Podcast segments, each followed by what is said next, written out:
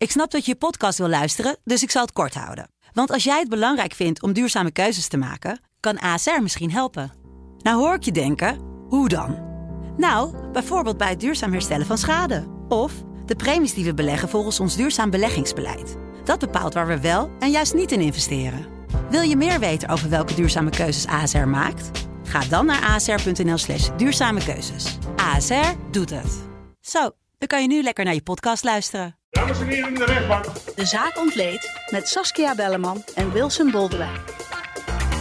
In de verte zie je opeens een donkere gestalte achter hem opduiken. Je hoort vijf schoten en je ziet Peter vallen. Die kreeg je echt kippenvel van. Een podcast van De Telegraaf. Het moet slagen, hè, dwars door zijn hoofd. Je moet het hele magazijn leegschieten. Nou, dat is nog nooit eerder vertoond. Saskia, de laatste tijd krijgen we steeds meer te maken met rechtszaken waarbij het bewijs overweldigend is. Dat komt natuurlijk door al die elektronische hulpmiddelen, camerabeelden, stappentellers. Hè, ook eh, Ja, in het ook. geval van eh, Koen eh, Everink met de tennisleraar. Ook een mooi voorbeeld. En toch krijg je dat die verdediging dan voor vrijspraak nog eh, durft te pleiten. Wat natuurlijk een hele grote paradox neerzet. Het is niet, niet in deze zaak bijvoorbeeld volledige vrijspraak hoor, maar van een onderdeel. Van een onderdeel. Ja, precies. Het gaat over een heel pijnlijk hoofdstuk voor ons als eh, journalisten. De moord op Peter R. de Vries. De 64-jarige misdaadjournalist werd op 6 juli 2021 in het centrum van Amsterdam neergeschoten. Mijn wereld stortte in toen ik hoorde dat Peter was neergeschoten. Maar de ernst ervan drong niet tot me door. Ook niet toen ik Peter later in het ziekenhuis aantrof. Wat ik aantrof was te onwerkelijk, te vernietigend om tot me door te laten dringen. Een deel van mij staat nog steeds langs de kant van de weg, starend naar het schermpje van mijn telefoon.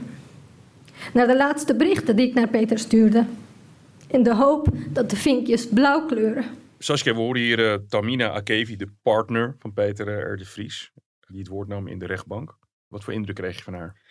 Ja, daar zat een vrouw eh, die gebukt gaat onder een verpletterend verdriet. Eh, ze zei op een gegeven moment ook, eh, ze zeggen wel eens dat verdriet net zo groot is als de, als de liefde was. Nou, onze liefde was immens en dat is mijn verdriet ook. Ze vertelde dat het niet tot haar doordrong. Dat ze eigenlijk vooral toen ze zag dat Peter in het ziekenhuis lag te vechten voor zijn leven, dacht...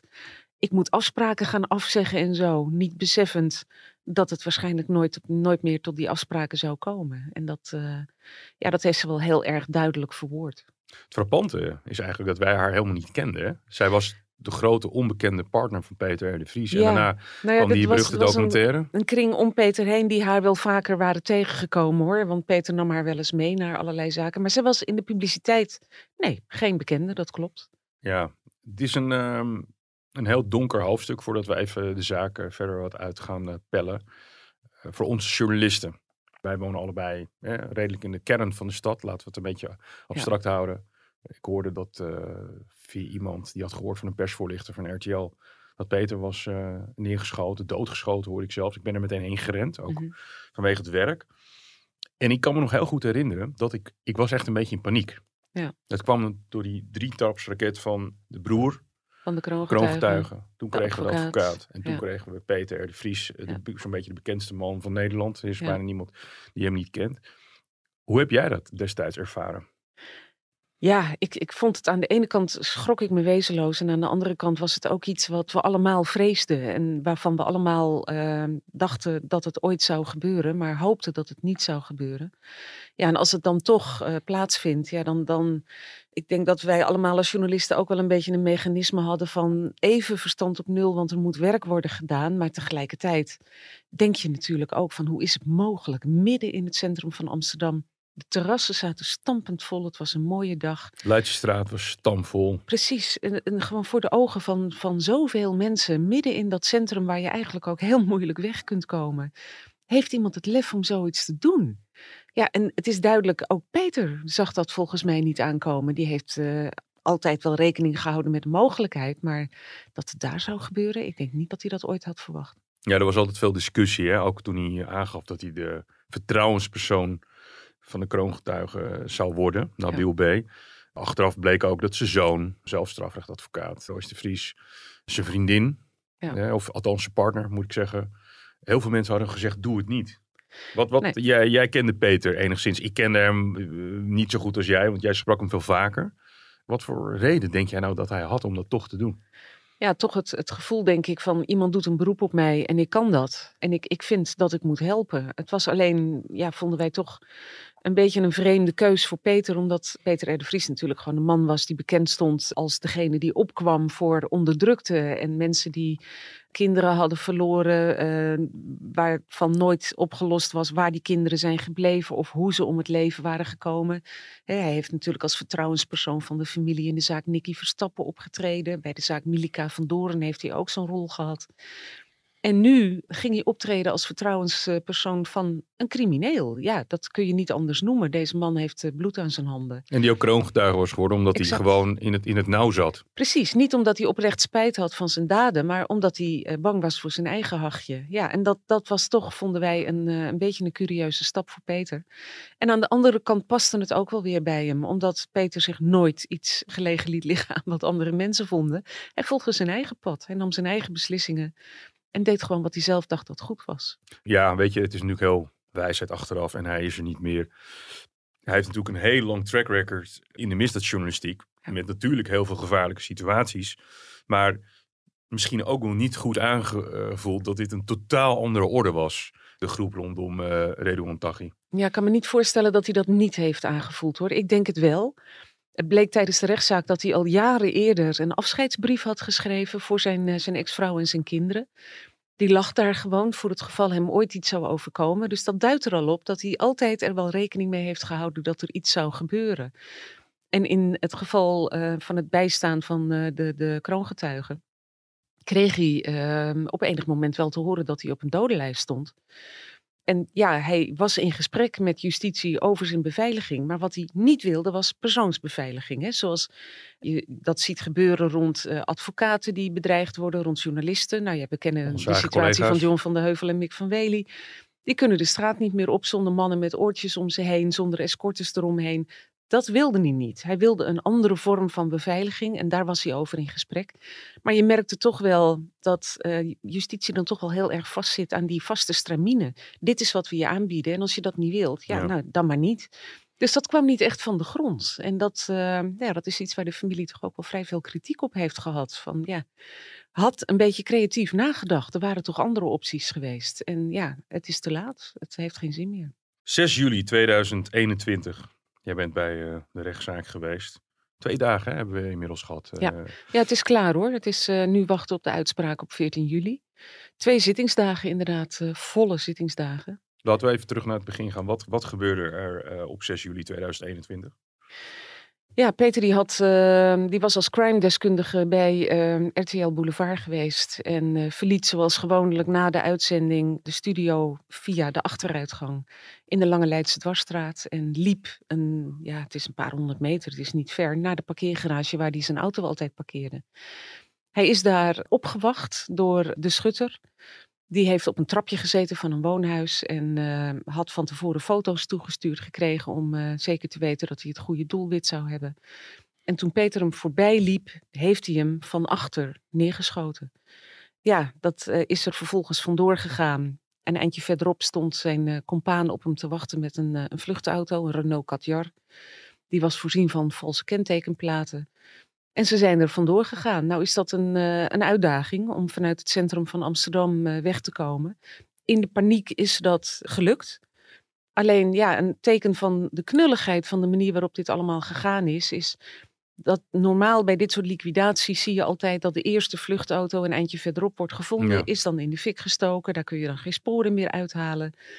In dit geval was er geen andere vluchtauto. Ze En gingen was- helemaal met de vluchtauto van A naar B. En, Exact. en ze hadden ook niet echt een safe house of wat dan ook. Nee, ook dat niet. Eh, dus dat wijst er ook al op van. Het lijkt wel alsof deze jongens gewoon voor de leeuwen zijn gegooid. Ze hebben die moord uitgevoerd, maar niemand heeft nagedacht over hoe het verder afgewikkeld moest worden. Ze kregen eh, twee wapens mee, waarvan er één ook niet bleek te werken. Die wapens lagen gewoon nog in de auto, dus die hebben ze ook niet onderweg gedumpt. Die telefoons. Er lag een Google Pixel telefoon in, eh, in de auto die enorm waardevolle informatie heeft opgeleverd achteraf. En ze zijn dus eigenlijk al nou, na een uur of zo aangehouden. Dat blijft toch het meest frappante van deze hele liquidatie. En, en we hebben er nogal wat meegemaakt, Ja. hè, wij eh, in ons, in ons vak. Dat je zo'n high-value target, wel- wel- Ja. militairen noemen dat een high-value target als Peter de Vries. En dan stuur je twee ja, onderknuppels, twee amateurs. Ja. Beetje gek, zeg maar bijna Peter de Vries onwaardig. Ja, bijna wel. Maar dat geeft ook iets aan over de nietsontziendheid van zo'n opdrachtgever. Hè? Die gewoon twee mensen erop afstuurt en het interesseert hem niet hoe die mensen wegkomen en of ze er überhaupt mee wegkomen. Of ze gepakt worden of niet. En kennelijk is hij er ook heel zeker van dat, eh, dat ze geen namen zouden noemen. Wat ook klopte. Ik denk dat hij ze zoveel angst heeft ingeboezemd dat ze dat nooit zullen doen. Hun opdrachtgever eh, verraden. Ze hebben tenslotte ook families waar ze misschien voor moeten vrezen. Mijn collega Paul Vugts heeft dat eerder kanonnenvlees genoemd. Of Kanonnenvlees, kanonnenvoer. Ja. Ja. En dat, dat waren ze dus ook. Het zijn hè, de mensen die in een oorlog de loopgraven Ja. in en uit worden gestuurd. En die als eerste sneuvelen. En dat interesseert de opdrachtgevers niet. Als het doel maar wordt bereikt. Want daar werd, en dat bleek tijdens de chats die we hebben gelezen en gehoord eh, in de rechtszaal. Heel erg op aangedrongen. Het moest slagen. Ze moesten hem door het hoofd schieten. Ze moesten het hele magazijn leegschieten. Het mocht niet mislukken. Daar werd enorm op gehamerd. Ehm, eigenlijk wilde de opdrachtgever ook dat ze er met z'n tweeën op af zouden gaan. Dat hebben ze niet gedaan. Ehm, er is er één die, die erop af is gegaan en de ander heeft in de vluchtauto gewacht. Ja, en eh, het is geslaagd, helaas. Jij hebt eh, Delano en eh, G en Camille E. Je hebt ze in de rechtszaal gezien. Ja. Wat voor indruk kreeg je van hen? Ja, Delano G, dat is moeilijk te zeggen. Die was eh, lastig te peilen omdat hij niets heeft gezegd. Hij beriep zich eigenlijk voortdurend op zijn zwijgrecht. Op het absolute einde van het proces na, toen hij nog even gebruik maakte van zijn zwijgrecht. Maar dat stelde niet veel voor. Maar hij heeft niets willen zeggen, op geen enkele vraag antwoord willen geven. Ja, en de Pool Camille E., die sprak des te meer, maar is eigenlijk vooral bezig geweest met het bagatelliseren van zijn rol. Ik moest iemand van Rotterdam naar Amsterdam brengen, maar ik wist niet wie en ik wist ook niet waarom en wat het doel was. Ik heb dat gewoon gedaan en ik heb hem opgewacht en ik heb hem weer weggebracht, maar ik had geen idee wat de bedoeling was. Dus die probeerde zijn eigen rol heel erg te verkleinen. En dat ze wel degelijk wisten over wie het ging. Want hè, we hebben het ook een klein beetje over het overtuigende bewijs wat er bij, bij Volbaat al was. Mhm. Dat hoorde je ook aan eh, wat er werd gechat over en weer. Om twee voor vijf van de andere telefoon naar de Google Pixel telefoon in het Nederlands worden eerst twee foto's van Peter R. de Vries gestuurd met als tekst deze hond moet je hebben. Om vijf uur knal op zijn hoofd. Ja man, KKK hard. Ja, dat, Dat soort teksten dus. soort Ja. teksten. Ja. Eh, en dat is dan in een schril contrast met eh, ik, ik, ik wist nergens van, ik wist niet om wie het Nee. ging. Kijk, maar het- er was het- een anonieme opdrachtgever. Hè? Ja. Eh, een, een meneer die in het dossier NN4229 wordt genoemd. Ja, En- en N staat voor nomenessio, naam onbekend. Het wordt ook vaak dan? gebruikt bij krakers, weet je wel, die hun personalia niet willen geven. Die worden ook aangeduid als NN. Opvallend, hij beheerst het Pools. Ja, want er is ook in het Pools gechat, waarop het Openbaar Ministerie zei van nou, dat, dat was in ieder geval met Camille E. Dus die wist wel degelijk wat de bedoeling was, want hij, hij heeft in het Pools met die opdrachtgever gechat. Er is ook in het Nederlands gechat, ja, een beetje straattaal zeg maar. Maar dat is wel opvallend, ja. En dat, eh, wie, wie dat nou geweest is aan de andere kant, dat weten we niet. Camille E. tegelijkertijd, die ontkende dat hij de antwoorden gaf in het Pools. Hij toverde opeens op de ene laatste zittingsdag een tweede Pool uit de hoge hoed. Het Openbaar Ministerie zei het lijkt wel alsof de Polen hier uit de lucht komen vallen. Hele, hele proces, al die inleidende zittingen, is geen sprake geweest van een derde inzittende van die auto. Maar opeens beweerde Camille E. dat er nog een Pool in de auto had gezeten bij hem, die op enig moment zou zijn uitgestapt en zou zijn weggelopen. Verder kon hij er niets over zeggen. Die tweede Pool die staat ook niet op beeld. Het is ook niet te zien dat hij uit die auto stapt. En je hoeft ook niet met elkaar te van. chatten als je fysiek bij elkaar in de buurt bent. Nou, het, dat zou dan wel met de opdrachtgever geweest zijn, die aan de andere kant zat. Maar de antwoorden die zouden dan niet van Camille E. zijn geweest, zei Camille E., maar van die andere Paul. En die is gewoon opgestaan en weggelopen. Die zou gewoon weggelopen zijn. Ja, het is een onwaarschijnlijk verhaal, maar dat is wat hij zei. Peter R. de Vries, we hadden het net al over eh, wel of niet onderschat, was wel al de derde persoon rondom die kroongetuige die is eh, vermoord. Ja. En daarmee, ja, het is een beetje een cliché, Nederland verloor zijn onschuld. Die hebben we al een tijdje geleden Ja, verloren. wel alleen, zeggen, die hadden we al niet meer volgens mij. alleen dit is Cosa Nostra, Drangheta-achtige Ja. proporties. Dat, dat er zo'n patroon is. Meestal lukt het wel om één iemand te pakken misschien. Ja. Maar dit was echt om de kroongetuigen heen een hele schil van... Ja. Ja, het, is, het staat niet vast. Eh, het wordt nog onderzocht uit welke hoek het komt. Maar het Openbaar Ministerie zei ook al van ja, je kunt dat gewoon niet loszien van elkaar. De moord op de broer van de kroongetuige, de moord op Dirk Wiersum, de advocaat van de kroongetuige. En de moord op Peter R. de Vries, de vertrouwenspersoon van de kroongetuige. Het zou wel heel toevallig zijn als het niks met elkaar te maken heeft. Dat bestreed natuurlijk de verdediging van de verdachte. Die zeiden van ja, Peter R. de Vries heeft natuurlijk in de loop der jaren veel zaken opgelost. Is er de oorzaak van geweest dat meerdere mensen uiteindelijk, hè, die zich veilig waanden, toch achter de tralies terechtkwamen in verband met misdrijven. Dus er waren wel meer mensen die een appeltje met hem te schillen hadden. Eh, De kogel kan ook uit die hoek gekomen zijn. Bijzonder is dat er levenslang is geëist. Nou, het is niet Ja. bijzonder, want de maatschappelijke impact was heel groot. Laten we even luisteren naar de, de eis van het Openbaar Ministerie. Het feit is zo buitengewoon ernstig. De persoon van de verdachte, zonder enige vroeging of zelfs maar begin van inzicht, is zo vreselijk zorgelijk. En de optelsom van eerdere aanslagen op onze rechtsstaat is zo volstrekt onaanvaardbaar. Gelet op al het voorgaande, eisen wij dan ook dat aan de verdachte een levenslange gevangenisstraf wordt opgelegd. Ja, je hoort de officier hier al noemen, hè, die, dat verband tussen die drie moorden. En wat hij ook nog zei was, er is een, een opgaande lijn in straffen. Dat hadden ze ook kunnen weten. De man die de broer van de kroongetuige heeft vermoord, is uiteindelijk in hoger beroep tot 28 jaar veroordeeld. Tegen de twee eh, schutters of de moordenaars van Dirk Wiersum was levenslang geëist. Die hebben allebei 30 jaar gekregen. Dat is de langste tijdelijke gevangenisstraf die mogelijk is in het Nederlandse strafrecht. Ja, en in dit geval gaan ze weer voor levenslang, wat op zich ongebruikelijk is, voor een enkelvoudige moord. Geen van beide verdachten, ze hebben wel allebei een strafblad, maar ze hebben nooit eerder een levensdelict gepleegd. En normaal wordt levenslang eigenlijk voorbehouden aan degene die meerdere moorden plegen of hebben gepleegd. En in dit geval zegt de officier ook gewoon van ja, hier is sprake van zoiets ernstigs, een aanslag op de rechtsstaat, die gewoon tot doel heeft om mensen te intimideren, om mensen angst aan te jagen. En dat moet gewoon aangepakt worden. Want eh, Camille mocht nog even wat zeggen Mhm. na zijn advocaat, na het eh, pleidooi, pleitnota. Hij vond, eh, ik wist helemaal niet precies wat ik deed. Nee. Hoe kunt u nou in vredesnaam levenslang aan iemand opleggen? Ik heb een vrouw en vier kinderen, wat natuurlijk ontzettend wrang is, ook voor de nabestaanden. Enorm, ja. Maar is, is levenslang een reële eis voor iemand die alleen als chauffeur heeft gediend? Of ziet het, ziet het strafrecht eigenlijk zoiets als iets organisatie? Je bent er allemaal bij betrokken. Ja, wat het OM zegt is, ze hebben van tevoren die moord voorbereid. Ze hebben de wapens getest. Daar is zelfs een filmpje van. Ehm Camille E. heeft ook toegegeven dat de handen die in beeld komen met het wapen van hem zijn. Er zijn voorverkenningen gepleegd door Camille E. in de Lange Leidse Dwarsstraat op meerdere momenten voorafgaand aan eh, de dag van, eh, van de moord. Dus ja, het Openbaar Ministerie zegt, hij kan zich niet beroepen op het feit dat hij alleen maar een auto heeft bestuurd. Hij wist donders goed wat er stond te gebeuren, wat de bedoeling was. Hij was er zo nauw bij betrokken dat hier sprake is van een zodanig intensieve samenwerking. Dat ze allebei even verantwoordelijk zijn.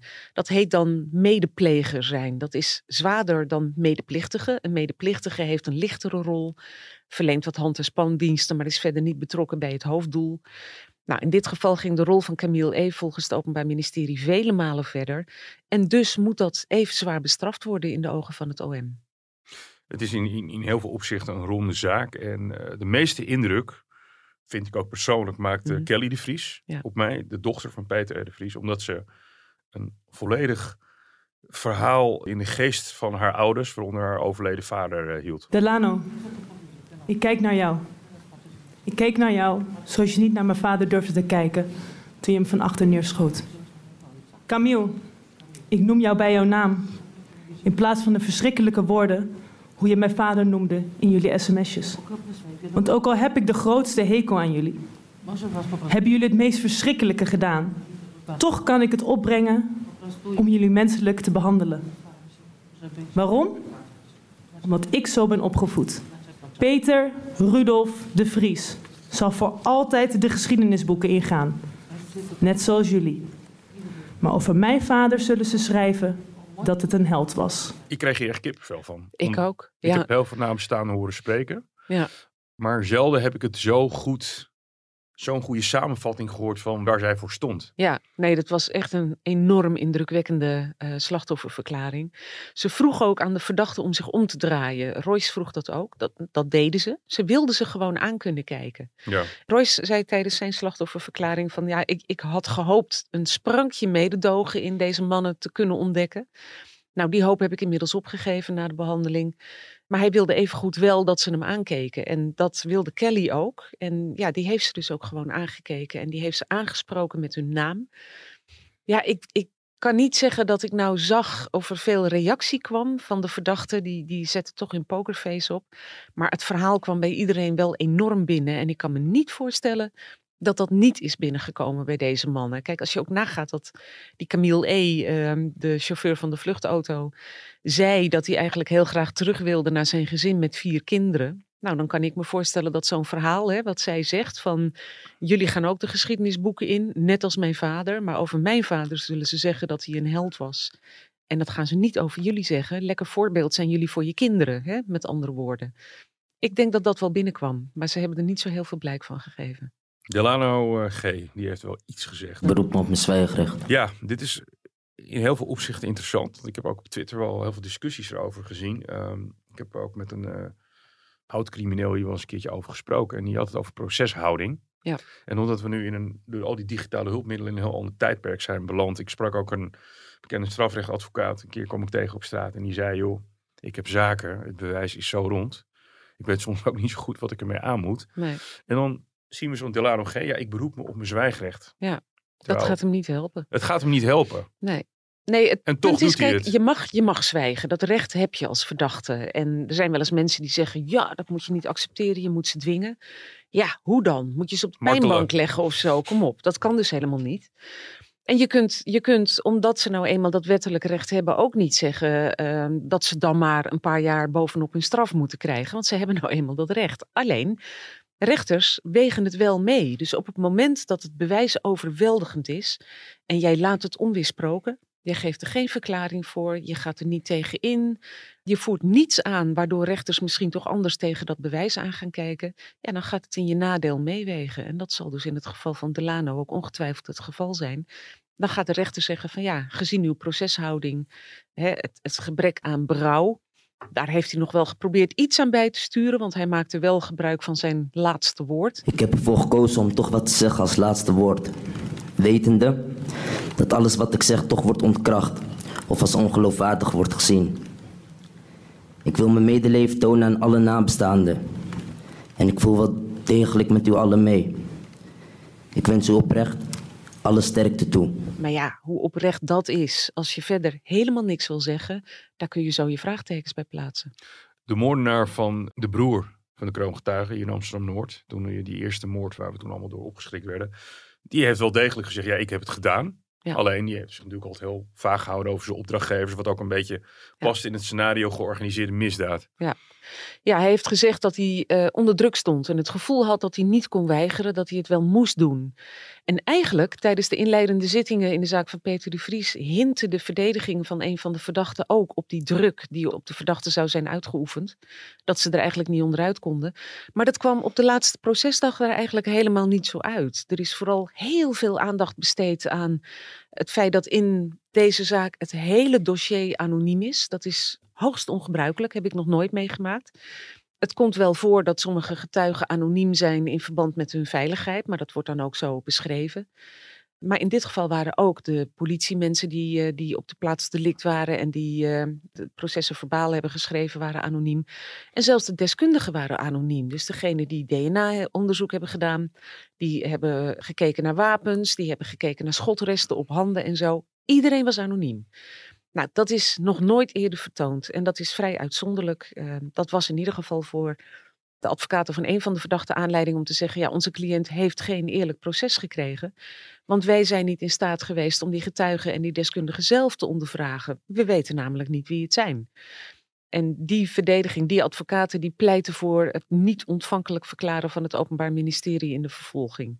Maar het ging dus eigenlijk helemaal niet over de druk die zou zijn uitgeoefend door een opdrachtgever op deze twee mannen. Terwijl daar misschien nog een beetje als je naar je proceshouding kijkt, nog een klein beetje clementie misschien bij de rechters zou zitten. Een hele minimale kans. Ja, minimale kans, denk ik inderdaad. Ik weet niet of dat zou leiden tot, eh, tot enige clementie. Maar je zou je kunnen voorstellen, omdat dat in de georganiseerde criminaliteit nou eenmaal vaak gebeurt, dat mensen onder druk worden gezet of worden gechanteerd om dingen te doen.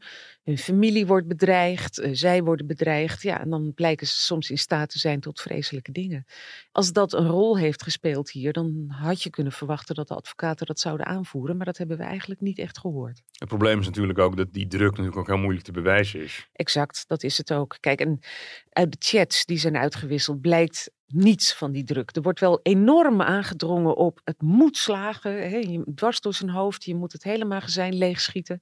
Er wordt enorm op aangedrongen om het wel te laten slagen.